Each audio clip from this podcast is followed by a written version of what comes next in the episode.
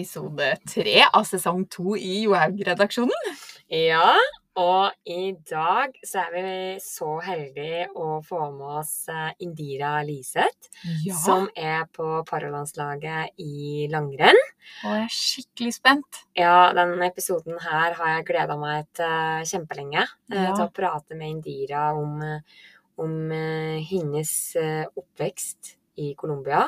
Mm. Og til å komme til Norge og ulike utfordringer Mm. hun har møtt på i livet. Mm. Eh, og ikke minst uh, hvordan hun har klart å komme seg gjennom uh, dem. Mm. Og, og funnet idretten og eh, der hun er i dag. Ja, et skikkelig forbilde. Så den historien gleder jeg meg masse til å høre. Ja, da må vi få ønske velkommen til deg, eh, Indira. Eh, vi syns det er kjempestas at du har lyst til å komme hit og være med i Johaug-redaksjonen. Ja. Eh, den dagen her har i hvert fall jeg gleda meg til lenge. Og vi i Johaug ønsker jo på en måte å, få fram eh, jenter eh, som står godt i seg sjøl, eh, som har en historie, og som på en måte er litt banebrytende. Eh, og som på en måte er jenter som kan inspirere og motivere andre jenter da, til å nå sine mål i, i hverdagen og inn i fremtida. Eh, så først så bare lurer jeg på åssen er livet ditt om dagen? Jo, det er ganske bra, da. Ja. Eh, Jeg har nettopp kommet hjem fra Livigno, Mhm. så det var egentlig ganske vellykket sånn sett. Eh, Ja, jeg må jo ærlig innrømme at jeg sleit litt psykisk der nede, i og Mm. med at jeg ikke fikk eh, trent så mye. Nei, Ja. fordi du har vært eh, skadet. Du sa noe om det akkurat når du kom i sted, at eh, du Ja. Ja, eh, jeg sliter litt med tricepsen og en sene baki der. Ja. Ja. Så da får ikke jeg eh, staka så mye. Nei. Oi. Eh, Men åssen trener du alternativt når du da har vært i Livigno? Hva er det du gjør da? Nei, jeg har svømma litt, og så har jeg tatt litt sånn eh, rehabiliteringsøvelse og eh, litt grann sykling. Mm. Ja. Så er det bestått av en halvtime om dagen, så det er jo ingenting. Nei. Nei, og det kan jeg tenke meg liksom, når man virkelig da skal reise til høyden og få trent masse, at, eh, at det blir et slag i ansiktet og ikke få gjort det man liksom egentlig har på planen da, og egentlig har ønske om.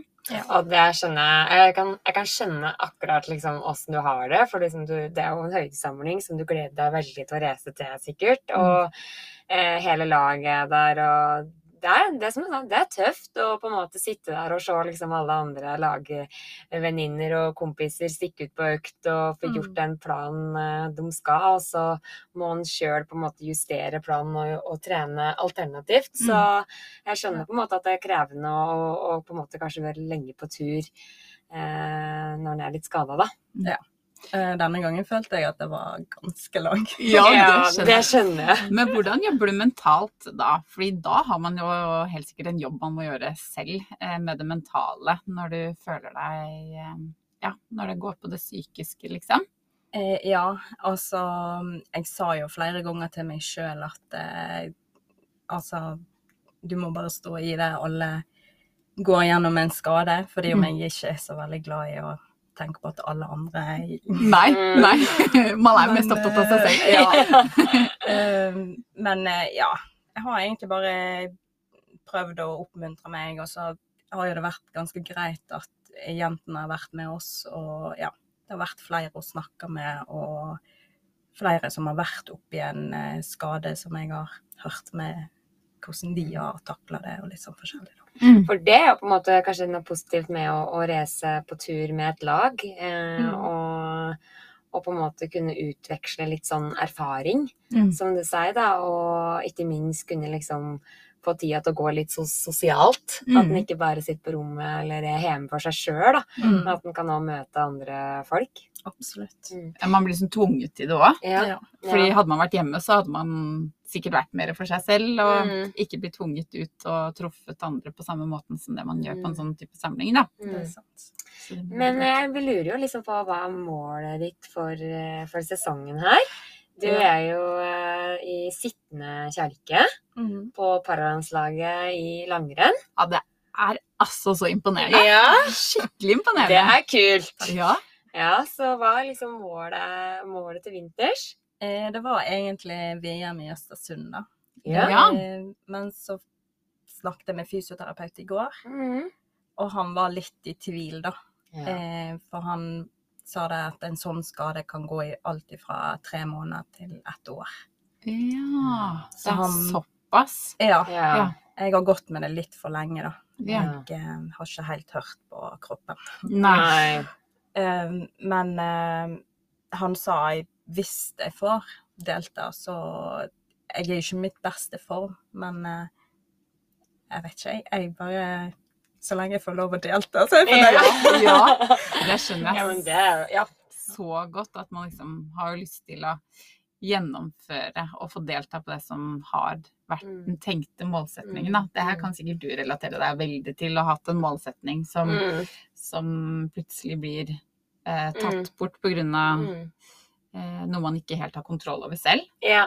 Jeg kan jo kjenne meg at, at sjøl at det, det blir jo sånn Han må jo på en måte bare jobbe for det hver dag. Mm. Altså til, til, til det til slutt går eller ikke går, da. Mm. Det Mm. var litt sånn for meg, i hvert fall under utestengelsen. Da Ja, jeg ikke det- visste at det på en måte ble OL eller ikke OL, så Mm. trente jeg jo hver dag for, i håp om at jeg skulle få lov til å gå der. Mm. Og la ned den eh, innsatsen som måtte til da, for på en måte Mm. stille best mulig forberedt. Mm. Og det Ja, er for det har jeg tenkt veldig mye på, da. ja. Så det er jo en eh, Ja. Altså, det i seg sjøl er jo et forbilde for Mm. meg, da. At, eller en milepæl, kan jeg kalle det for det. Mm, ja. Så ja. Mm. Så det, Ja, Ja. for det må jo være Jeg kan tenke meg kanskje at usikkerheten er kanskje noe av det verste Mm. i det, og det Ja. var det sikkert for deg også. At Mm. man eh, Ja, skal jeg liksom ut igjen i dag når jeg ikke vet om jeg kan Mm. helt sikkert, Mm. eh, og hvordan man liksom klarer å stå i det. Men det er jo noe Mm. med det å gjøre som du sier, da. At man Mm. Faktisk legger ned den jobben, eh, sånn at Mm. hvis det går, Mm. så er man så godt forberedt som overhodet mulig Mm. eh, den dagen eh, startskuddet går. Altså, jeg, for meg så tenker jeg på en måte at jeg, jeg måtte på en måte prøve å legge det til side. Mm. At, at jeg ikke skulle dit. Eller sånn Mm. usikkerheten, da. Mm. Sjøl på en måte kanskje bakerst baki så lå han jo der og ulma litt. Mm. Men jeg kjente at jeg måtte bare legge det til side. At bare sånn, ja, men jeg skal dit. Mm. Og på en måte, nå skal jeg gjøre alt jeg kan for å på en måte stille best mulig forberedt. Mm. Og hvis jeg kommer da til, til januar eller februar, og sånn som for din del nå, eller sånn som det var for meg, så eh, var det sånn OK, men nå, om det blir det eller ikke blir det, så vet jeg i hvert fall med meg sjøl at ut ifra den forutsetningen jeg står i, så er jeg faktisk forsøkt å gjort alt jeg kan Mm. for å på en måte komme dit eller stille best mulig forberedt dit. Mm. Og det tror jeg liksom gjelder uansett her i livet, at så lenge en vet sjøl at en faktisk har gjort alt en kan Mm. for å på en måte nå målet sitt eller Mm. drømmen sin, så kan en faktisk ikke klandre seg sjøl etterpå. Nei. Eh, for eh, av og til så havner vi jo i situasjoner, eh, og han kan på en måte ikke begynne å tenke ja, men fader, hvorfor gjorde jeg det, hvorfor gjorde jeg det, hvorfor gjorde jeg det? For det har faktisk skjedd. Mm. Mm. Og nå er jeg her. Eh, Her og nå var OK, nå må jeg bare gjøre den beste, beste jeg har ut av de forutsetningene jeg har, Mm. eh, og tenke inn i framtida, da. Og ja, jeg tror liksom liksom sånn mentalt, i hvert fall, sånn som eh, jeg jobba. Får du noe hjelp til det mentale i eh, det som du står oppi nå, i forhold til eh, Eh, ikke akkurat nå. altså Da har jeg lagkameratene mine som jeg Ja. snakker med, og en god del med trener og sånn. Ja. Eh, men jeg tenker jo det at hvis det blir verre, på en måte, Mm. så eh, tror jeg kontakter psykologen. Men Ja. akkurat nå så vil jeg bare stå i det og se om jeg klarer å komme meg ut av Ja. Ja. Ja, for det, er jo, det kan jo være en seier i seg selv. At man klarer å gjøre den jobben sjøl òg. Mm. og så er det jo ikke noe svakhet å ikke klare det heller, men uh, Mm. da har man jo testa det òg, sett om man liksom Mm, mm. får til eh, Om man får til det. Mm. Og så må det jo være Har ikke jeg så mye erfaring på det, men hvis det er sånn at du ikke får gå, så har du jo helt sikkert da lagt ned en fantastisk jobb som gir et grunnlag for neste års mål igjen. Mm. Eller, og som man kanskje ikke vil være foruten uansett. Sånn at det er jo ikke forgjeves. Nei. Ingenting, Uansett, og det var det ikke for deg heller. Du ingenting er forgjeves. Mm. Du kommer tilbake sterkere enn noen gang, måtte, Ja. selv om det ble en mye lengre tid Mm. eh, ute enn Mm. det du kanskje først hadde tenkt deg. da. Mm. Mm. Ja. Nei, så det gjelder bare å stå i det og, og jobbe på hardt hver dag. Ja. Så Og kanskje det er én dag av gangen. Ja. Ja. At det ikke blir sånn altfor langt Mm. frem. At man tenker liksom Ja, I det tror jeg er kjempeviktig. Liksom, ett trappetrinn av gangen. Og, det, og det er på en måte et vei til morgen, og, en vei til målet. mm. Og liksom ta vare på den gleda, da. Mm. Og liksom sette pris på det en kan gjøre, faktisk. Mm. Absolutt. Ja. Men vi er jo veldig interessert å, å høre litt uh, om deg. Um, og hvordan på en måte oppveksten din var i Colombia. Ja. Eh, og åssen det var å komme til Norge.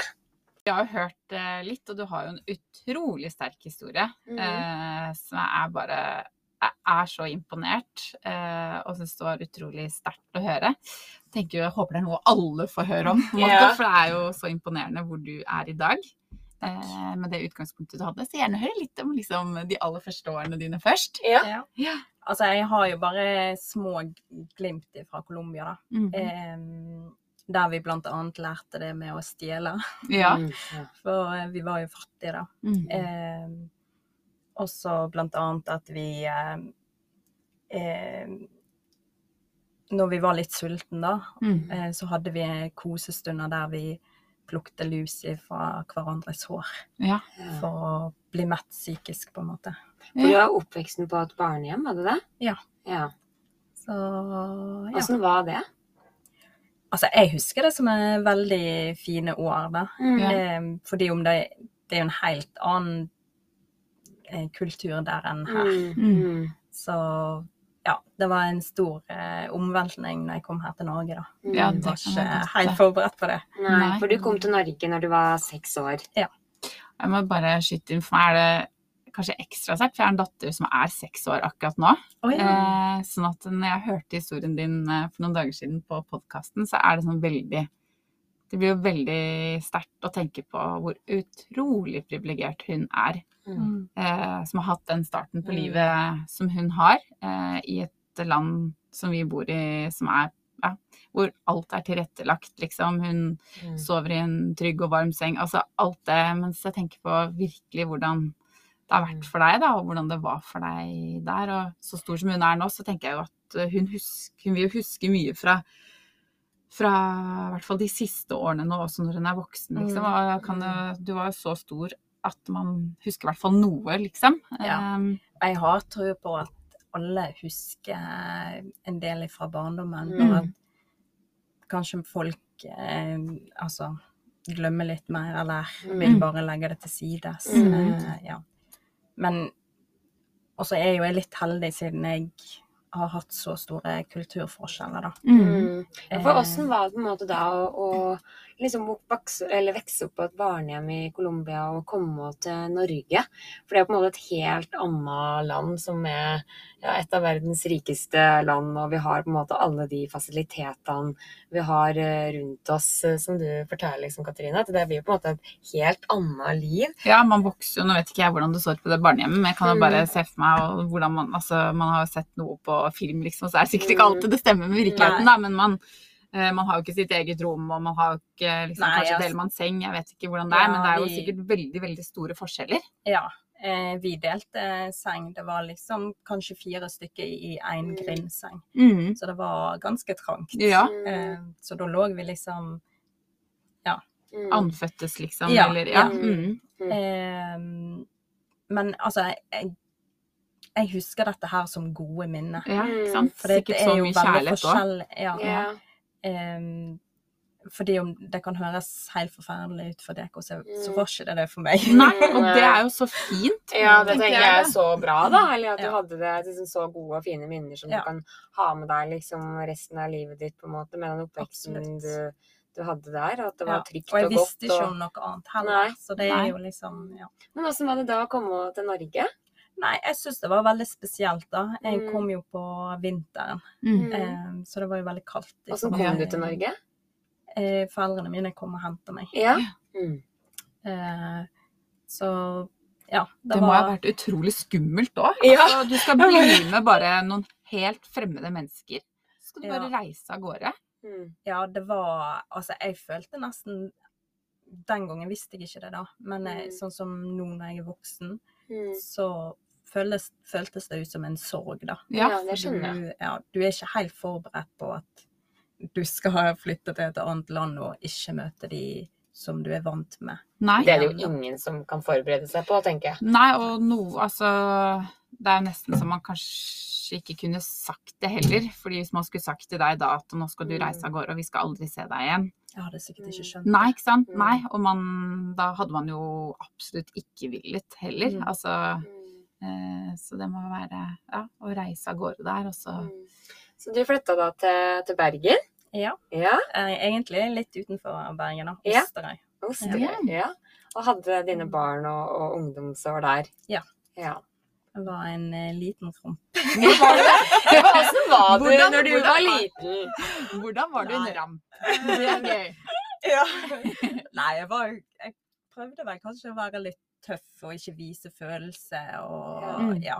For jeg hadde egentlig ganske mye følelse inni meg Mm. som jeg ikke hadde lyst til å Eller visste helt hvordan jeg skulle Takle? Ja. Mm. Veldig naturlig, Ja. tenker jeg. Ja, ja. Ja. Så mm, hjemme så var jeg ganske rolig, satt for det meste på rommet mitt og sånne ting. Mm. Eh, og jeg kunne faktisk grine ofte etter jeg kom hjem fra skolen. Mm. Fordi at jeg fikk liksom Jeg klarte ikke helt Jeg vet ikke om jeg kan si det, men jeg føler at jeg ikke takler helt hvordan føles Altså, ja. Man Følelsene. taklet ikke følelsene sine selv, Nei. liksom. Nei. Mm. Ehm, så da kunne jeg være litt sånn eh, småfrekk, eh, svare læreren, og Mm. prøve å være litt sånn eh, høylytt og Mm. ja, sånne type ting, da. Mm. Det er jo som forsvar, liksom. Jeg tenker yeah. det er veldig, veldig naturlig. Og ja, man er liten og man har jo ikke lært seg hvordan man skal takle følelsene sine. Det trenger man jo egentlig masse, masse hjelp til Mm. av eh, de som er rundt, da. Mm. Eh, Så så ja, det er jo ikke Mm. noe det er ikke noe rart, eller det høres jo veldig naturlig ut. Nei, og eh, hjemme hos oss så hadde vi, eller har òg fortsatt, tror jeg, eh, problemer med det med følelser, da. Man Mm. vet liksom ikke helt, og da ja, da blir det litt vanskeligere for Mm. et barn og Mm. når ikke de voksne Hjelper til. Ja. Ja. Mm. Mm. Mm. Mm. Men uh, vi kjenner jo på en måte deg best i idretten. Mm. Men uh, hvem er du egentlig? Eh, Et vanskelig spørsmål. Ja, det er det. Ja. Men uh, jeg er jo en introvert person, da, Mm. egentlig. Jeg Mm. liker best å være alene og høre på musikk og Ja, jeg tar meg ofte for å snakke til meg sjøl. Ja, gjør det. Ja, spesielt eh, ja, litt sånn engelsk-norsk. Ja, ja, det. ja. Det er gøy. Hvorfor er det engelsk-norsk? Er det Jeg vet ikke. Nei, Det er bare det er naturlig, liksom. Ja. Ja, Men jeg er jo ikke så veldig flink i, i engelsk, så det er sikkert det at eh, når jeg ikke finner ordene på engelsk, så tar jeg det på norsk. Ja, ja, ja. Og så må jeg le litt av meg sjøl. Ja. Det er kjempegøy. Ja. Så ja, det er vel egentlig Men du bor på Lillehammer? Ja. Ja, Ja. Jeg Og- ja ikke sant? Så Mm. du har eh, en som du Er det en som du trener sammen med, eller? eh, Ja, Vilde er på laget i lag med meg. Mm. Hun er på laget. Ja. Ja. Ikke sant? Så, Vilde Nilsen. Ja. Ja. ja. så det var veldig Altså, det var egentlig eh, når jeg var i rekruttlaget at jeg hadde lyst til å komme meg til Lillehammer, for der var det snø i forhold I Mm. Bergen er det nesten ingenting. Nei. Mm. Mm. Og så meldte det ut på Facebook, da. Og så plutselig så bare fikk jeg kontakt med Vilde. Og, altså, jeg visste jo hvem hun var fra før av, men jeg kjente ikke henne sånn, da. Hvordan har det vært?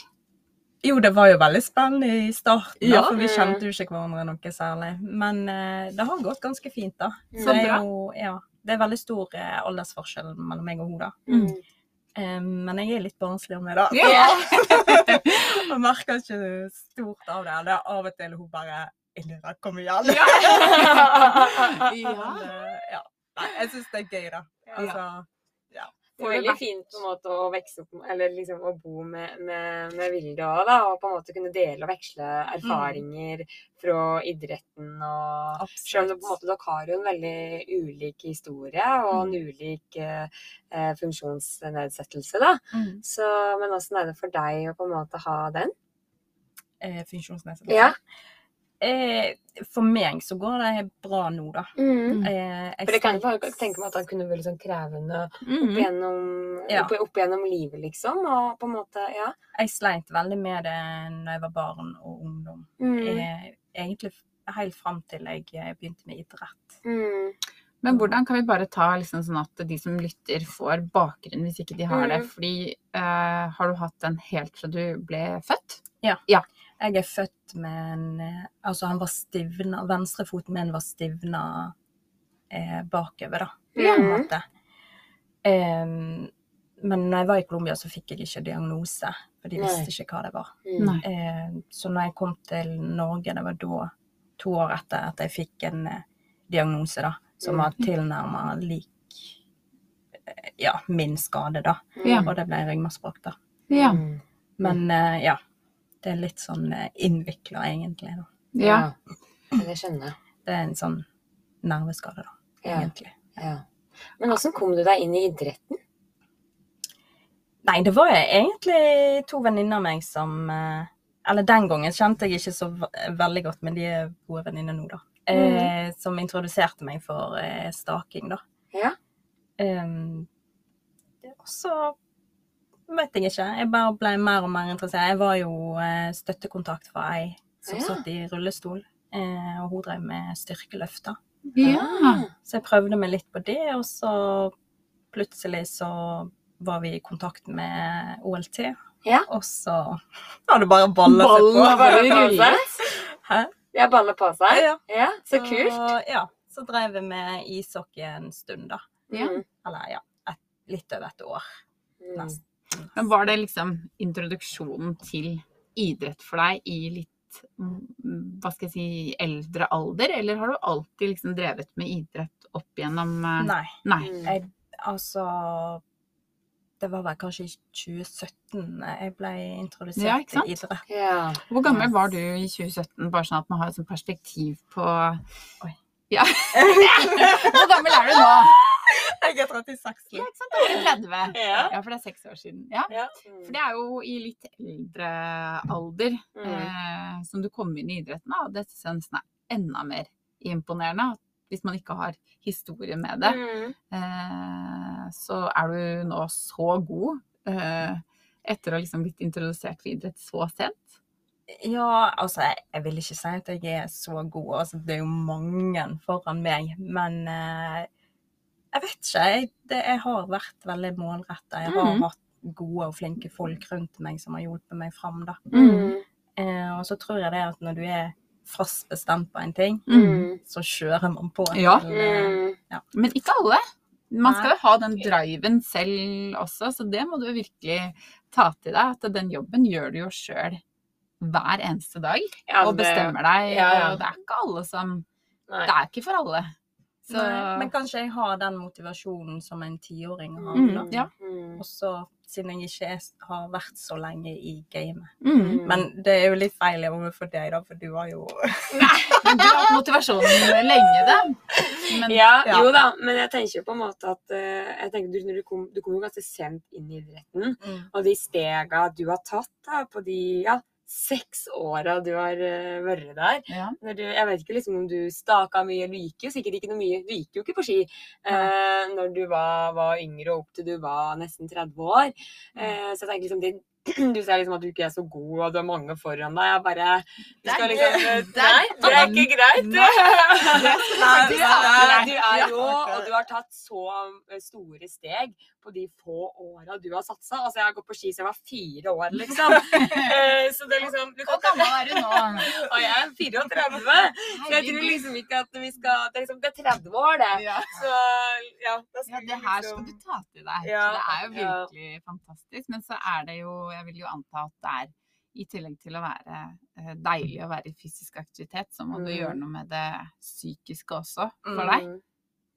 Ja, Ja. det, det Altså, det er egentlig Jeg vil si at det fysiske har gjort veldig mye av det eh, psykiske for meg. Ja. Mm. Em, for jeg har jo Det er jo ikke så mange år siden jeg begynte å jobbe med meg sjøl med, med Jeg holdt på å si advokat. Jeg mente psykolog! Ja. Ja, så Mm. Ja. det var Hvordan var det for deg? Var det noe du tok initiativ til selv? Nei, Nei. det var det ikke. Mm. Eh, det er vel egentlig ei som heter Elskarin, som har fått meg inn i Altså til psykolog, da. Ja. Mm. Eh, hun er tidligere SFO-lærer. ja. Også, Din SFO-lærer? Ja. ja. ja. Åh, Og så Så jeg har kjent henne siden jeg var seks år. Ja. Ja. Så koselig. Så ja. Og så har hun, hun har jo skjønt og merka at eh, alt ikke var sånn som det skulle hjemme. Mm. Og så eh, hadde, har hun sett på meg at eh, Mm. jeg egentlig ikke er den personen som jeg prøver å Mm. være, på en måte. Mm. Eh, ja. Så har det vært veldig mye tull opp igjennom, da. Mm. Eh, og til slutt så hørte jeg på rådet hennes og Mm. gikk til en psykolog, da. Mm. Det er jo helt fantastisk å ha noen som virkelig virkelig ser deg, Mm. eh, og som ikke gir opp, og som, ja, som hjelper deg til å kle av deg, liksom, sånn at man Mm, ja. tør å ta det steget. Jeg er Eh. veldig glad for at hun har vært der og ikke gitt meg opp. Ja. Mm. Så det er jo lett å gi opp folk som Altså, for det, man, man veit ikke helt hvordan man skal takle det, eller Ja. hjelpe de, eller sånne ting. Mm. Og da er det lett å bare OK, Ja. du får styre på.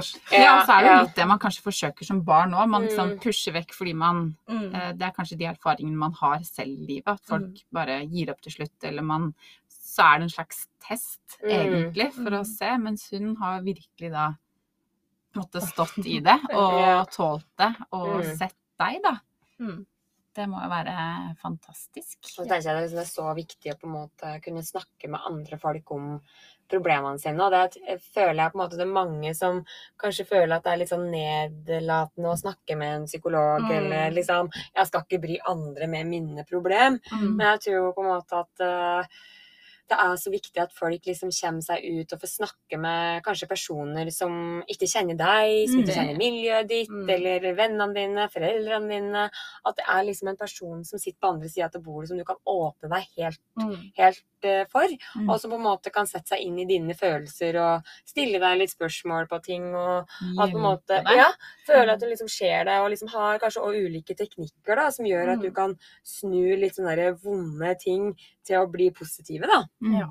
Absolutt. Mm. Det er jo litt sånn Det er jo en litt klisjé, egentlig, men har du vondt i tåa, liksom, så går du jo til legen. Mm. Mm, og det er jo ikke, burde ikke være noe større barriere Mm. eh, for å ha vondt i følelsene sine, eller slite med følelsene sine, for å Mm. gå til en psykolog. Altså det burde være like akseptert og like Mm. Eh, greit, på en måte. Mm. Mens eh, jeg føler det er veldig ja, sosialt eh, Mm. Jeg liksom lurer på om du liksom har noen teknikker og tips da, til andre eh, som sliter sånn psykisk, på en måte som har det vanskelig, og jeg bare føler at jeg har i hvert fall mye å lære føler jeg, til deg, da, men liksom alt det du har stått i i oppveksten din, i ungdomsåra dine, og dit du har kommet i dag, det er virkelig beundringsverdig.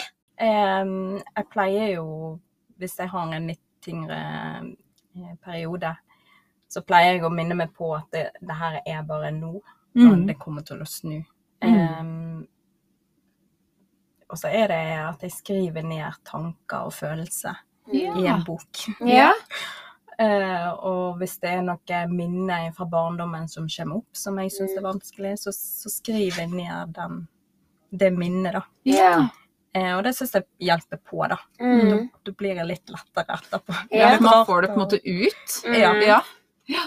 Eh, og hvis ikke det funker, så har jeg alltid Altså, jeg får lov å ta, ta en telefon til psykologen og Mm. snakke med han, da. Mm. Og så gir han meg eh, råd og tips på hva Mm. jeg kan gjøre videre. Mm. Er det liksom konkrete ting da som du skal enten tenke på, eller som du skal gjøre, eller eh, som han kommer med?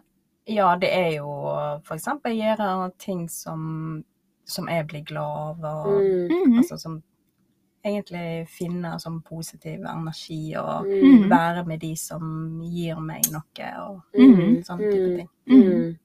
For det høres jo utrolig lett ut. Ja. Og alle kan jo tenke sånn Mm. Altså, selvfølgelig er det det jeg skal gjøre, men Mm. når man er i en dårlig periode, så det er det det ikke så lett å tenke Det er veldig det. vanskelig når livet skjer svart. Ja. Liksom, Mm. du ser bare ikke det lyset i tunnelen. Mm. Og bare du skjønner ikke liksom, Du er så langt nede i den gropa Mm. som du kan få. Jeg, jeg følte det sjøl. Mm. Og jeg forestilte meg litt sånn derre Vøringfossen, da. At jeg skulle liksom klatre på en måte opp eh, den. Liksom sånn trapp for trapp og liksom åle meg oppover. Og liksom målet mitt, da. eh, Og den gullmedaljen hang øverst. Mm. Og så følte jeg på en måte at jeg var bare sånn gong Liksom jeg klatra opp, og så bare datt jeg ned igjen. Mm. Og klatra opp, og datt ned igjen. Mm. Og følte liksom til slutt at jeg aldri liksom nådde den toppen, da. Men så var det liksom jobba litt med psykologen og bare sånn ta liksom en dag om gangen og, og på en måte ett liksom. skritt og ta Mm. vare på liksom de positive Mm. tinga i, i hverdagen og liksom skrive dem inn da i den fossen, liksom. Hva du hadde klart og fått det, og, og liksom de positive tankene du kunne finne, liksom. Bare sånn i dag så Du kunne liksom være fra i dag så sto jeg opp, liksom, og bare så liksom Det var en seier. Det fikk jeg til. Ja, det fikk jeg Ja, med, på en måte. ja. Og, og i dag så var det noen som sa at fy søren, i dag var du rå. Og bare sånn ja, gikk du rått på ski. Og bare sånn, at du blir sånn oppriktig glad. Liksom klarer på en måte å bygge deg litt sånn opp, da. Mm. Mm. Og at man løfter fram de tingene som faktisk er det positive. Da. For det Mm. er jo i løpet av en dag så er det jo mange fine ting som skjer. Mm. Eh, Selv om de negative ofte er det som liksom overskygger. Mm. Selv om du kan få 100 positive kommentarer, så er det liksom ofte én Mm. negativ som overskygger alle de Ja. 100 Mm. positive. Det er veldig Mm. rart. Du får liksom så utrolig Mm. mye rom, liksom. Eller Ja. helt fritt spillerom. Mm. Men jeg syns det er gøy å høre hvordan du jobbet med det Mm. mentale bildet. på en måte. Mm. At man ser det sånn helt Mm. konkret for seg. Er det Mm. noe, Gjør du noe av det samme, eller har du gjort noe av det samme? Ja, Ja. Mm. så sier jeg egentlig. Mm. Ja. Har du noen sånne symboler som du på en måte føler er deg? Sånn, jeg har på en måte jobba veldig mye med min psykolog med at det liksom er en snøleopard, og så har jeg litt sånn diamant, og så har jeg liksom hatt den der Vøringsfossen, da. Som jeg på en oh, måte har ja. prøvd å klatre litt i. Har du liksom noe du på en måte kan Når du har det litt sånn vanskelig, at du kan på en måte hente en, en detalj eller en ting, eller Nei, egentlig ikke. Det har Nei? jeg aldri tenkt over. Nei? Eh, det er mer på den derre For jeg, jeg er der jeg liker å være glad og Ja. eh, Så det er vel egentlig den energien jeg søker, eller Ja. har Mm. lyst på å ha tilbake igjen, på en Ja. måte. Mm. Eh, ja. Mm. Men eh, ja, det var en lur idé. Jeg Mm. har aldri tenkt over. Nei. Det er det som for meg på en måte hj- hjelper på, da. At du liksom kan klare å forestille deg liksom litt den Ja, det symbolet eller Mm. det dyret eller Ja. Så For synes å- ja. Den historien er egentlig utrolig sterk. Jeg falt i frysninger fordi Mm. du har hatt den diamanten som symbol mm. veldig, veldig lenge. Mm. Og så var det ikke den første premien Mm. du fikk etter at du var Mm. utestengt. Var, Mm. du kan fortelle historien selv. Ja, altså, sånn, jeg var jo i, i 2010 i OL i Vancouver, så jobba jeg jo med psykologen eh, min som heter Britt. Mm. Og da fant vi liksom frem en diamant som skulle, på en måte skulle symbolisere meg og den snøleoparden. da. Men den diamanten skulle liksom Det var liksom den rolige, avslappa Therese når hun liksom gikk på ski. Så det jeg liksom bare sånn bildet at det gikk på ski, så liksom de snøkrystallene i snøen bare Mm. glitra mot meg som, som diamanter. Og det ga meg en sånn ro og energi inni meg, og fikk meg liksom til å slappe av og senke skuldrene og sånn. Så fikk jeg en sånn liten diamant av henne. En sånn snø... Ja, en sånn diamant, da. eh, I Vancouver. Og så fikk jeg på en måte en ganske større en til VM i Oslo. Og så har vi jo jobba mye med det, den diamanten, da, i, i alle år oppover. Og spesielt I det mentale. gjennom- I det mentale, og Mm. spesielt i den utestengelsesperioden når eh, livet var kjipt, og, og du mista gleda ved idretten, og til slutt så mista du gleda ved trening. Det var kanskje den aller, aller verste da, for min del. Mm. At jeg følte ikke at eh, jeg hadde lyst til å trene mer, og jeg som har vært så interessert i treninga. Mm.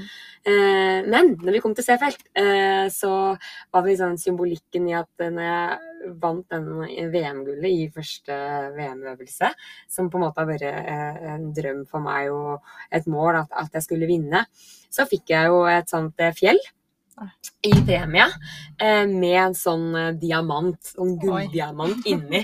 Så jeg fikk sånn helt sånn frysninger når jeg sto på pallen og bare sånn altså, jeg er aldri- ja, ja, liksom. ja. Og jeg har aldri fått en sånn premie i, i noe som helst mesterskap. Og så plutselig så kommer det fjellet med den diamanten inni, liksom. Og jeg bare Nei, gud, liksom! Det her er for godt å være jeg bare Det her er liksom Jeg, jeg, jeg er jo litt overtroisk. Ja, jeg Ja, vet! ja, Det er det mulig, liksom? Ja.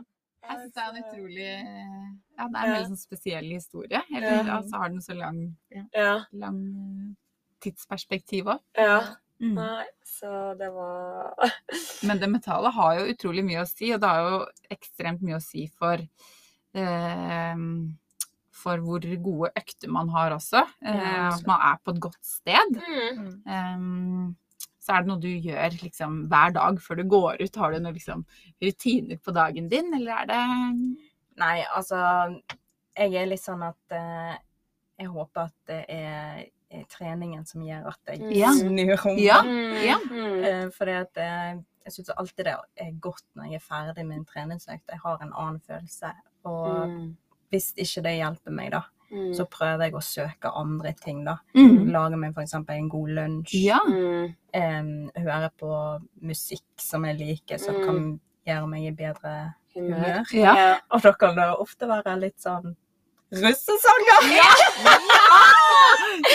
Åh, altså, det, det er sånn lyd i mine hjerter. Det her er jo jenta altså, for deg. Hallo, altså. Det er jenta mi, det. Ja. Ja, altså, russ, russ, tenker jeg. Ja. Da har vi samme musikksmak. Ja. Det er jo litt sånn at de har allerede fått skrekk over at jeg hører på sånt, men eh, ja. Det er jeg, du og. Helene Fossesøm. Da Ja. er vi Ja, ja. Rigga. Så, ja. Så det er sånne småting som en går hele tida og leter etter, da. Mm. Som kan gjøre det bedre. Ja. Som gir dagene Mm. energi. Ja. Men hvordan eh, var egentlig liksom For vi har snakka litt om barndommen. Mm. Eh, og så har vi snakka om eh, både før du kom til Norge, eh, Mm. men også når du kom til Norge. Men ungdomsårene, hvordan var de for Indira? Mm. Apropos russ, liksom. Ja. ja. Jeg var ikke akkurat russ, da. Nei. Nei. Nei. Ehm, jeg har jo egentlig eh, eh, tatt veldig mange eh, utdannelser, da. Jeg har ikke Mm. helt visst hva jeg vil, eller Nei. Um, Ja. Jeg har egentlig slitt med å finne meg sjøl. Mm. Um, og jeg tror det er det som har begrensa Med at jeg måtte hele tida lete etter noe nytt, eh, Mm. bare for å ja, Mm. finne meg sjøl, da. Men Ja. eh, egentlig så var jo det der med å gå til psykolog Jeg Mm. burde ha gjort det fra starten av. Mm. Mm. Er det noe du tenker på etterpå? Nå? At du burde gjort det før? Ja, Ja. jeg skulle ønske jeg gjorde det lenge før. Det Mm. skulle jeg. Mm. Og at ikke jeg syntes det var en flau ting. Og, ja, skamfullt og sånne ting. Mm. Mm. Men eh, samtidig så er jeg litt sånn eh, Det høres litt rart ut, men jeg er litt glad for at jeg har opplevd det jeg har opplevd. Mm. Eh, litt fordi at jeg tror ikke jeg hadde vært den personen jeg er i dag hvis ikke. Mm. Um, jeg har av og til prøvd å sette for meg hvordan jeg ville vært. Ja. Yeah. Men eh, ja. Nei, så Ja. Og så er alt i alt så er jeg jo veldig takknemlig for at jeg ble adoptert hit, da. Ja. Ja. Så tross alt. ja. Mm. Så gir det jo med alt det man opplever, gir jo et perspektiv i livet, da. Mm. Ehm, selv om du sikkert har hatt mange opplevelser som du kanskje etterpå tenker sånn ja, Eller jeg vet ikke om man tenker at man skulle vært de foruten, for det er ikke sikkert man tenker, men det gir i hvert fall et Nei, jeg har ikke tenkt det. Men, men når, før jeg jobba med det, Mm. så tenkte jeg mye på Mm. hvorfor akkurat meg, hvorfor Ja. ikke noen andre. Mm. Og Mm. var litt sånn negativ, ego egoistisk, hvis jeg kan si det. Um, ja. Mens nå er jeg litt mer en eh, positiv egoist. Ja, Ja, men det er jo veldig sunt, da. Ja. Mm. Altså, jeg skulle ønske at jeg eh, For når man har, har det bra med seg sjøl, Mm. så er det lett å se de rundt seg. Mm, og, ja. Ja. Mm. Mm. eh, ja. Så det skulle jeg ønske at jeg eh, gjorde lenge før.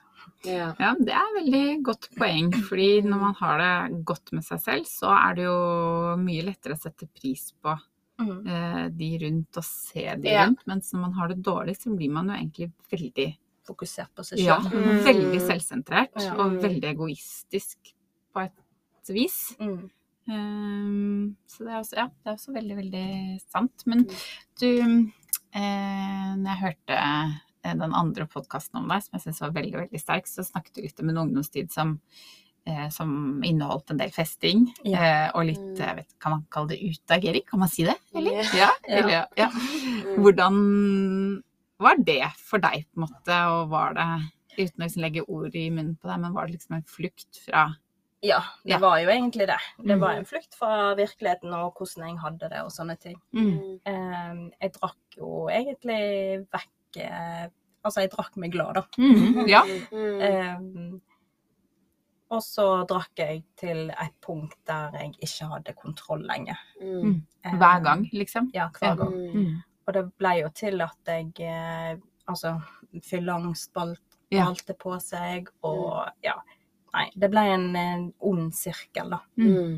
Um, for jeg gikk jo hele tida konstant og hadde på en måte en angst, da. Mm. Mm. Om hva jeg hadde gjort og sagt og sånne Ja. type ting. Ja. Um, så da ble det liksom Ja, til at, at jeg ventet til eh, det var helg igjen, sånn at jeg kunne drikke det vekk på en Ja. måte. Ja. Ja. Em, ja. Da satt du liksom bare med alle følelsene inni deg. Ja, Mm. ja. Em, og jeg prøvde vel egentlig, eller jeg gjorde jo egentlig det. Jeg, jeg var egentlig veldig mye for meg sjøl, da. Mm. Fordi jeg, var- jeg var så flau over ting jeg, jeg hadde gjort den helgen, eller sagt den helgen, og så eh, Ja, istedenfor bare å rydde opp i det og Ja. Mm. høre hva, hva var det virkelig Altså, det var jo flere som sa til meg at eh, du var jo full av angst uten grunn. Ja, ja, Mm. ja. Det var ikke så ille, liksom. Det var ikke noe verre enn noen andre. Ja. Nei. Men du følte at det var verre Ja, enn ja. det det egentlig var? Ja. Mm. Fordi at jeg følte ikke som Det var ikke den personen jeg ville være, da. Nei. Så ja. Mm. Var det da mm, hun SFO-læreren din kontakta deg og Ja, på den tida hadde jeg ikke så mye kontakt med henne, da. Eh, det var jo litt fordi at jeg skyvde henne vekk. Mm. Hun ringte jo ofte til meg, det gjorde hun, men eh, Mm.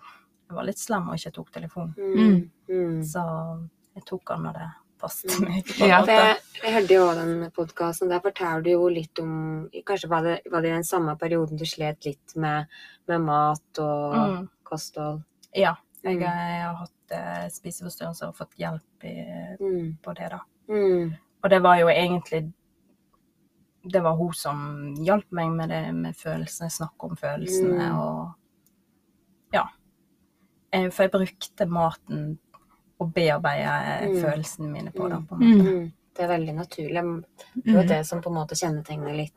Det at når en har det på en måte vanskelig sjøl, så og på en måte mange ting han ikke har kontroll over, Mm. Mm. så skal han liksom gå han i seg sjøl, så skal han straffe seg sjøl, Ja. og på en måte det en kan gjøre, er i hvert fall ha kontroll Over på det. maten, Mm, ja. liksom, da. Mm. Og på en måte tvinge seg sjøl til Ja. Ja. Spise minst mulig og Mm. Mm. renest mulig, liksom. Altså, Mm. Jeg eh, Det var jo en periode der jeg bare spiste for eksempel kvitt. Ja. Mm. Hvite produkter. Ja. Det er jo sånn rart, men det er en sånn system man lager seg Mm. sjøl, da. Mm. Og så var det en periode der jeg bare spiste grønt, eksempel. Ja. Mm. Eh, så det måtte jo jeg og, og hun eh, psykologen slash Mm. ernæringsfysiologen Mm. jobbe med, da. At Mm. jeg kunne blande Ja. Mm. altså, Mm. forskjellige farger og Ja. Jeg måtte jo skrive ned en liste for hver dag hva jeg hadde spist. Ja.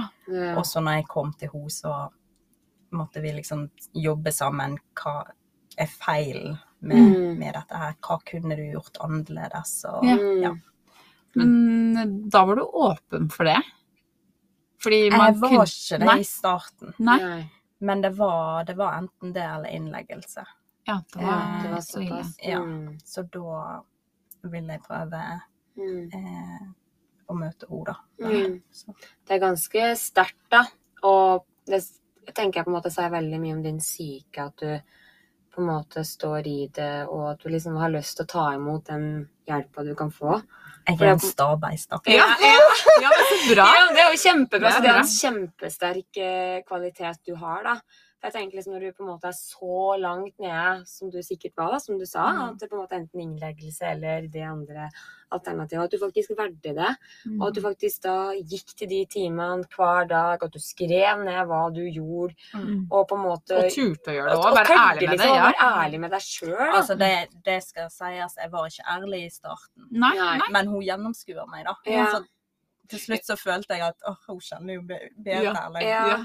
Men liksom at du, at du gikk til henne på en måte, Det er veldig fort gjort at du da liksom heller bare står liksom ikke har lyst til å blande andre personer inn i det du gjør, og hva du spiser og sånn, og på en måte heller liksom bli mer, enda mer inneslutta, da. Mm. Og så på en måte ende til den innleggelsen. Mm. Men at du da jobber med henne hver dag, og liksom at du har kommet deg dit du har kommet i dag, da. Mm. Og den veien der, det står det virkelig respekt av, for det er en benhard jobb. Ja, og at Nå vet jeg ikke om du gjorde det, men eh, at du sto i det ganske alene òg. Mm. Ja, altså, jeg hadde jo venner, Mm. eh, og de vennene har jeg fortsatt. Mm. Så, men eh, Så jeg føler egentlig at jeg ikke har stått alene med Nei. det. Det er bare det at eh, jeg har kanskje ikke vært helt ærlig med dem Nei. Mm. eh, hva jeg sto oppi. Fordi Nei. om de, de så det på meg, altså. Mm. Mm. Eh, jeg, prøvde, jeg gikk jo med store klær for å prøve å Mm. skjule, for jeg fikk Mm. alltid kommentar på Mm. Oi, nå, nå er det tynn, eller Mm. nå må du spise, og ja. Mm. Hvor gammel var du? Eh, når jeg fikk hjelp, eller? Mm, Nei, når du på en måte begynte å slite med mat og Jeg er litt us... Men det var i 20-årene. Altså, Mm. egentlig så har jeg hatt problemer med, med mat siden jeg var liten. Mm. Mm. Og det tror jeg har med at eh, i Colombia så hadde vi lite mat, Mm. og så kommer du til Norge, der er det Mm. masse mat. Mm. Mm. Og så, så vet jeg Foreldrene mine prøvde jo å hjelpe meg å kontrollere det der, for jeg spiste og spiste og spiste. Mm. Mm. Veldig Det er veldig naturlig når du på en måte da nesten lærte opp til å stjele, da. Mm. Og stjele liksom mat for å få næring, liksom. Mm. Og så på en måte så kommer du da fra Og så få fylt på når man kan. På en måte. Ja. Når det er mat, så er det jo litt sånn man bare, Ja. Da skal man jo bare Ja, fylle ja. liksom. Ja, Ja. for man vet jo ikke når det kommer mat neste gang. Eller sånn Ja, fordi om jeg ble fortalt om at du skal få mat Mm. Etterpå, liksom, var du redd for at du ikke skulle få. Nei, ja, det var et eller annet i Det Det hodet skjønner jeg kjempegodt. Det er veldig naturlig. Ja. Mm. Så ja. Så det har jo egentlig vært et problem siden jeg var liten. Og Mm. så, eh, når jeg kom i 20-årene, så ja, jeg ble jo litt overvektig, da. mm. Eh, og fikk litt sånn problemer med det. Mm. I tillegg til at jeg eh, Ja, sjølbildet mitt og alt eh, var elendig, da. Mm.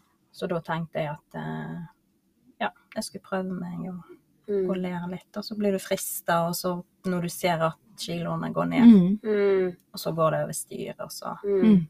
For plutselig så Mm. har følelsene Tatt overhånd, Ja. Mm. Mm. Så det var jeg, jeg så jo ikke det der, der og da, når jeg holdt på med det.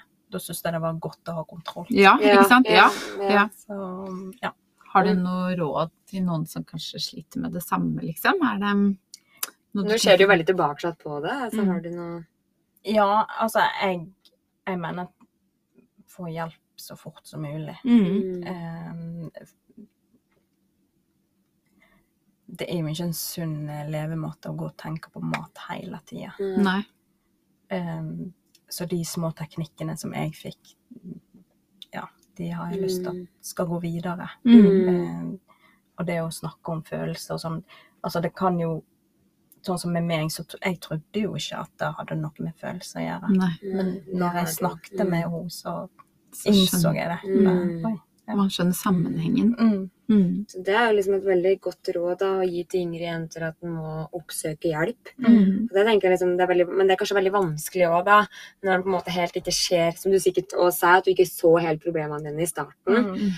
Eh, men da tenker jeg på en måte at det venner og familie og sånn eh, er veldig viktig, da. Og på en måte prate med den personen som, som sliter, og, og på en måte prøve liksom å få henne til å, Mm. å, å snakke med, med, med fagfolk. Ja. Mm. For det, det skal jo, altså sånn som for meg nå, så er mat en naturlig del. Det er liksom Mm. ikke det man går og tenker konstant. Nei. Og det var jo det jeg gjorde den gangen. Mm. Mm. Og det syns jeg skulle ønske at For jeg trodde jo den gangen at å ja, det er en naturlig greie. Man Mm. går og tenker på mat hele tiden. Mm. Men eh, jeg skulle ønske at det var At jeg visste den gangen at det er ikke naturlig, det er et eller annet Mm. du må jobbe med. Mm. Man spinner jo seg sjøl inn i sine egne tanker, da. Mm. Og så blir det hølet bare djupere og djupere, og djupere, og du kommer bare lenger og lenger Mm. ned, og så Mm. til slutt så ser du deg ikke deg sjøl, da, og hva som egentlig er normalt. Fordi Mm. til slutt så tror hun jo at det er normalt. Mm. Mm. Mm. Jeg tror jo at eh, kanskje for mange så er det selv ganske tidlig i en sånn fase, så har man kanskje en liten tanke om at det her er kanskje ikke helt bra, men så velger man jo Ta det vekk. Ja, man Mm. Jo, jeg har kontroll og Mm. eh, Men at man også tør å lytte til den følelsen at eh, Mm. hvis du først tenker at det kanskje ikke er helt bra, så er det kanskje ikke helt bra heller. Ja. Og at man allerede bare- da kan oppsøke. Ja, og være åpen om, eh, om problemene, men da samtidig så må de som får vite om det, de må ikke legge press på Nei. deg, for du må jobbe med det her eh, altså på, i ditt tempo, på en måte. Mm. Ja, Mm. Det er veldig godt tips. Ja. Mm. At man ikke blir liksom prakket. Ja, Ikke bli nå må prakket du ete. Ja. Du, jeg ser at du nesten ikke har spist. Altså, Mm. Ja. Det er sånn som kan trigge. Mm. Det er litt sånn rart å si det, men det er faktisk eh. For det er et eller annet som foregår oppi hodet. Bare Å ja, OK. Eh, kanskje jeg eh, klarer å komme enda lenger ned hvis Mm. Jeg istedenfor Ja, nei, jeg vet ikke helt hvordan jeg skal forklare det, men, eh, men det er i hvert fall en trigger, da. Mm, jeg syns du forklarte meg- det veldig Mm. bra, for det blir jo nesten en sånn bonus. For da, Mm. når de sier spis, liksom, så vet du at det er jo akkurat det du ikke skal gjøre. Mm. Eh, for du vil jo ikke eh, Gå opp i vekt Nei. eh, Nei. bare fordi noen andre vil at du skal gå opp i Mm. vekt. Du må jo, det må jo komme Og du ser jo ikke sjøl eh, at du Nei. Nei. Men var det liksom en sånn enkelthendelse, eller noe som gjorde på en måte at du plutselig begynte å endre retning i livet ditt? Kan du liksom Ja. huske at det var liksom en kommentar, eller noe som skjedde som på en måte bare gjorde at du For liksom når du Ja, liksom Du slet liksom med litt spiseforstyrrelser, du slet med litt uh, alkohol, som du Mm. forteller om. Um, og så kommer du jo på en måte sikkert til ett punkt, da. Som på en måte har du skjønt at oi, nå må jeg Ja, altså det var jo det der at eh, det er så mange som sier at nå må du skaffe deg hjelp. Mm, mm. Altså vi ser at du ikke har det bra og sånne Mm. ting. Mm. Fordi om jeg prøvde å overbevise meg om at Mm. jeg har det bra. Det er, det er sånn livet mitt skal være. Ja. Mm. Eh, men nei, det var egentlig bare det at eh, Jeg tror jeg var ganske lei av å gå i samme sirkel. Mm. Og så bestemte jeg meg for at jeg orker ikke mer. Nei. Altså det Jeg vil ikke leve mer, og da, Mm. da er jeg nødt til å finne ut hva jeg, Mm. hva jeg kan gjøre annerledes. For det, tydeligvis så er det meningen at jeg skal leve. Ja, Mm. ja. Så ja. Eh, ja. Så jeg tror det var egentlig bare det at jeg Mm. bestemte meg for at, eh, Mm. Mm. masse det må men ja. Jeg tenker det er så fantastisk at du har funnet idretten. Mm. Og på en måte det du sier, at du får så mye glede i å trene, i å være ute og bruke kroppen. Og det føler jeg òg liksom, så mange at jeg kanskje ikke har ikke vet om den følelsen av hvor mye energi faktisk eh, fysisk aktivitet kan Mm. gi en. Og Mm. på en måte at en får en så mye bedre mental helse òg. Mm. Det er liksom det vi på en måte og i Joe ønsker på en måte å stå for. Og mer på en måte liksom sterke jenter som har stått i en storm og Mm. ja, liksom er liksom opptatt av den hva fysisk aktivitet kan gjøre med den mentale helsa og, og den totale jenta som en skal være, da.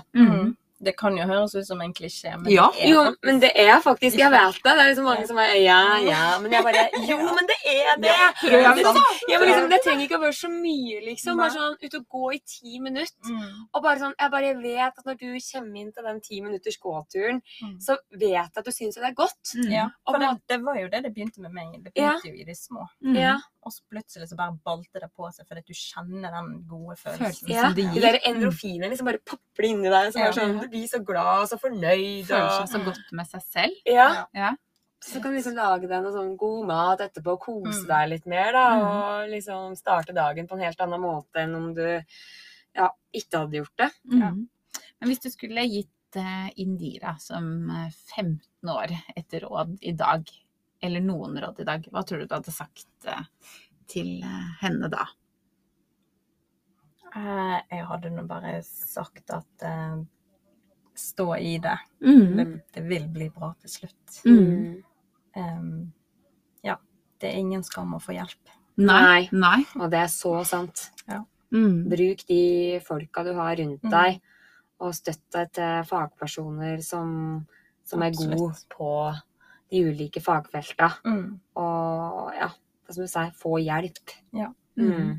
Så er det jo på en måte hørte en, her en annen dag òg at selv om liksom noen ting i livet er eh, kjipt eller vanskelig, så er jo på en måte ikke hele livet Mm. kjipt eller vanskelig. Nei. Så selv om en Nå høres det jo For noen er jo Og for deg nå så er det selvfølgelig Skaden din blir jo på en måte altoppslukende, men Mm. hvis man klarer å se det større perspektivet, Ja. så er det jo Det Det er veldig kjipt. Isolert sett så er det jo helt grusomt. Mens livet totalt sett er jo ikke, er jo ikke det. Nei. Sånn at hvis man Men- klarer å isolere det òg Det er Ja. veldig fort gjort, da. Og på en måte at den skaden blir deg. Ja. Det kan liksom det jeg føler på en måte altså sånn, Og det er sånn Ja. der, Altså, du må på en måte Ja, OK, jeg har den skaden, men, men skaden er jo ikke meg som person. Mm. Det er jo ikke den jenta jeg er, og på en måte, det er jo ikke Ja. de følelsene du har i armen, skal ikke styre den, den jenta du er, da. Eh, og det tror jeg liksom er litt sånn viktig. Men jeg, jeg skjønner deg så godt, for du liksom er den toppidrettsutøveren og lever i den bobla. Mm. Så det, det er så fort gjort, liksom. Mm. At på en måte du går, og jeg vet jo med meg sjøl hvor sur og irritert jeg blir, liksom. Og du blir nesten sånn, du blir ei anna jente når du sitter med den skaden. Så jeg liksom må bare sånn, Neimen, herregud, liksom. Du har den skaden, men jeg har så mye annet bra i livet mitt. Mm. Og fokusere på det, da. Men nå har det jo, bare for å skifte tema helt, da, så er det blitt en mye mer sånn inkluderende eh, trend. Som man ser og ser liksom, hvis vi ser på eh, catwalken rundt om eh, på ulike fashion weeks, eh, både hva gjelder sport, men også eh, på en måte mote og trender, så bruker man for, for kanskje ti år siden så skulle modellene, og kanskje spesielt jentene, de skulle være 1,80 høye og, og Mm. syltynne eh, Mm. og se veldig, veldig like ut. Mens nå er det en mye mer sånn inkluderende trend. Man bruker eh, mennesker med ulike eh, både bakgrunner Mm. og eh, ulike passformer, men også liksom med ulike kanskje funksjonsnedsettelser. Da. Hvordan ser du på eh, den utviklingen? Jeg syns det er veldig gøy, da. Ja. Mm. Ja, det er det absolutt. Um, man føler jo seg selvfølgelig mer inkludert og Ja, jeg skulle egentlig ønske at det, kom lenge før. Mm. Fordi at da tror jeg det hadde vært litt mer normalisert. Om Mm. man har en funksjonshemning eller Ja, man, altså Man er jo en helt vanlig person. For Ja.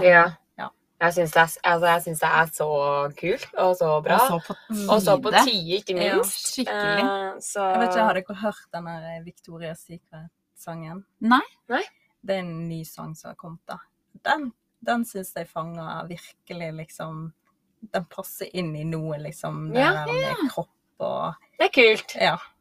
Så Ja. Er det eller sånn hva er det eller De snakker om ulike kroppsfasonger, eller hva er det de Ja, eller det er vel egentlig bare ei som, eh, som skulle ønske at eh, Altså, hun, hun forteller om at det er han som Det er en mann som er bak Victoria's Secret, liksom. Og mm. man skal liksom ikke være så syltynn og Nei. Mm. ja, Hun skulle ønske hun visste det før, da, på en måte. Ja, Ja, ikke ikke sant? sant? Det er kult. Ja, jeg syns det er en utrolig viktig Mm. utvikling, og for oss som merkevare også. Man skal jo Mm. ha produkter og klær som passer for uh, de aller fleste, jenter. liksom. Ja. Mm. Um, Jeg ser jo du òg har det. Ja. ja. Ja. Og det syns jeg er gøy. Det er litt sånn der, Yes!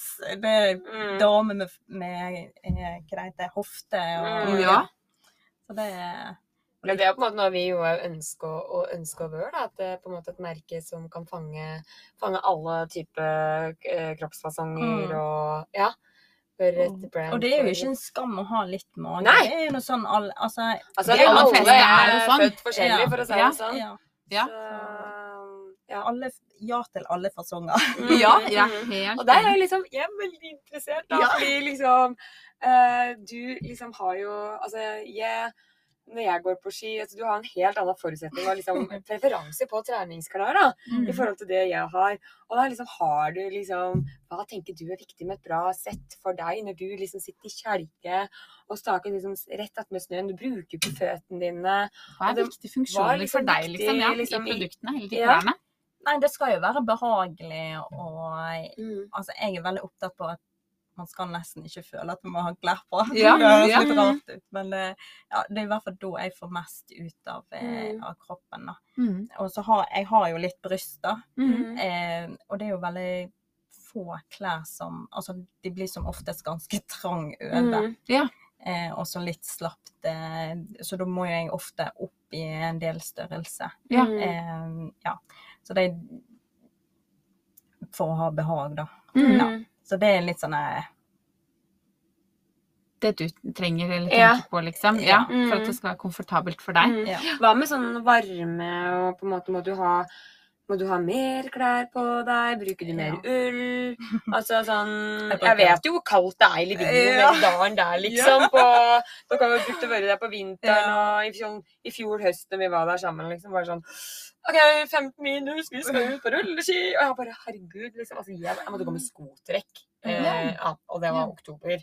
Og så går liksom Jeg bare tenker på deg, da, som Ja, altså, jeg pakker meg inn i Ja. masse klær, da. Ja. Eh, og de på laget mobber meg litt og bare sånn Mm. vitsen med alle de Ja, klærne? ja. Vel, Må du ha det der? ja, men jeg tenker jo av og til bare Du skulle satt deg i en kjelke, du. Så skulle Ja. du Ja. satt deg kaldt. det, ja, Ja. ja. Ja, det tenker jeg, for jeg, jeg fryser.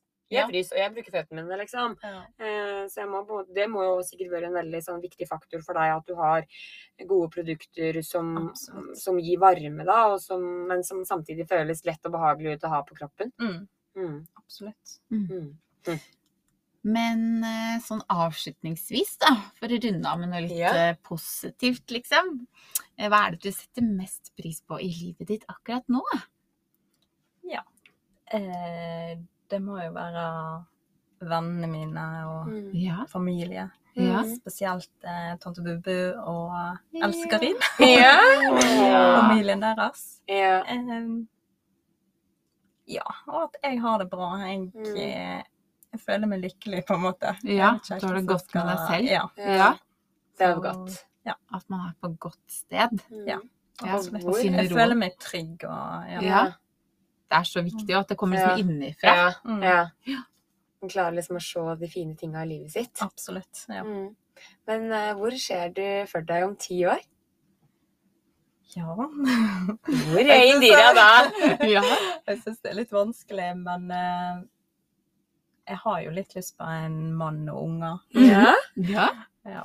Eh, fordi om jeg trives veldig godt alene òg. Ja, ja, det tenker jeg er et veldig godt utgangspunkt, da. Ja. Fordi da blir mann og barn en bonus. Og ikke noe man må ha for å ha det godt med seg selv. Absolutt. Ja. Eh, og så har jeg litt lyst til å jobbe med eh, ja, at folk skal Et eller annet innenfor at folk skal få det godt med seg sjøl, Mm. og kanskje Hjelpe Ja. andre. ja, Mm. formidle ved litt eh, Nei, jeg vet ikke helt hvordan jeg skal forklare det, men eh, jeg har i hvert fall lyst til at eh, de som sliter psykisk, eh, skal Mm. få en sånn fin balanse som jeg har nå, da. Mm. Og der har jo du liksom verdens beste erfaring Ja. å komme med. Og det må jo være for noen som sliter psykisk, å ikke høre på bare noen som på en måte kan læreboken, men som også har hatt de samme Mm. erfaringene.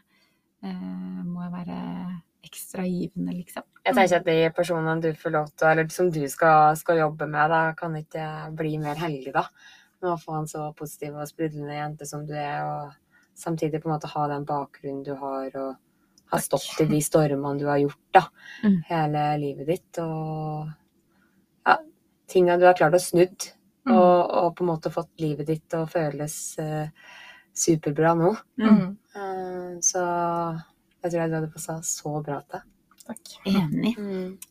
Så setter vi jo utrolig stor pris på at du tar deg tida til å Ja. komme hit og, og snakke med oss i dag.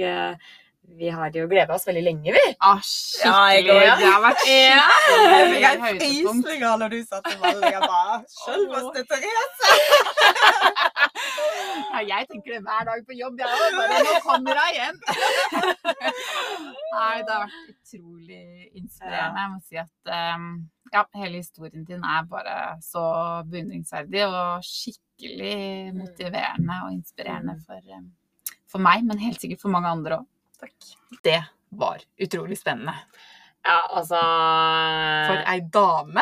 Ja, det tenker jeg det er et forbilde for meg og for, eh, For deg. meg, ja. og for Johaug, og altså for alle jenter som er ute i verden. ja. Eh, Det hun har stått i, står det virkelig respekt av. Ja. Eh, Og det er så mange som har så mye å lære av henne. Ja.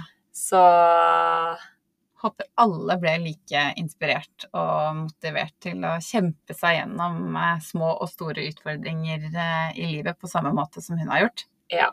Og episoden er jo da som vanlig sponsa av Johaug.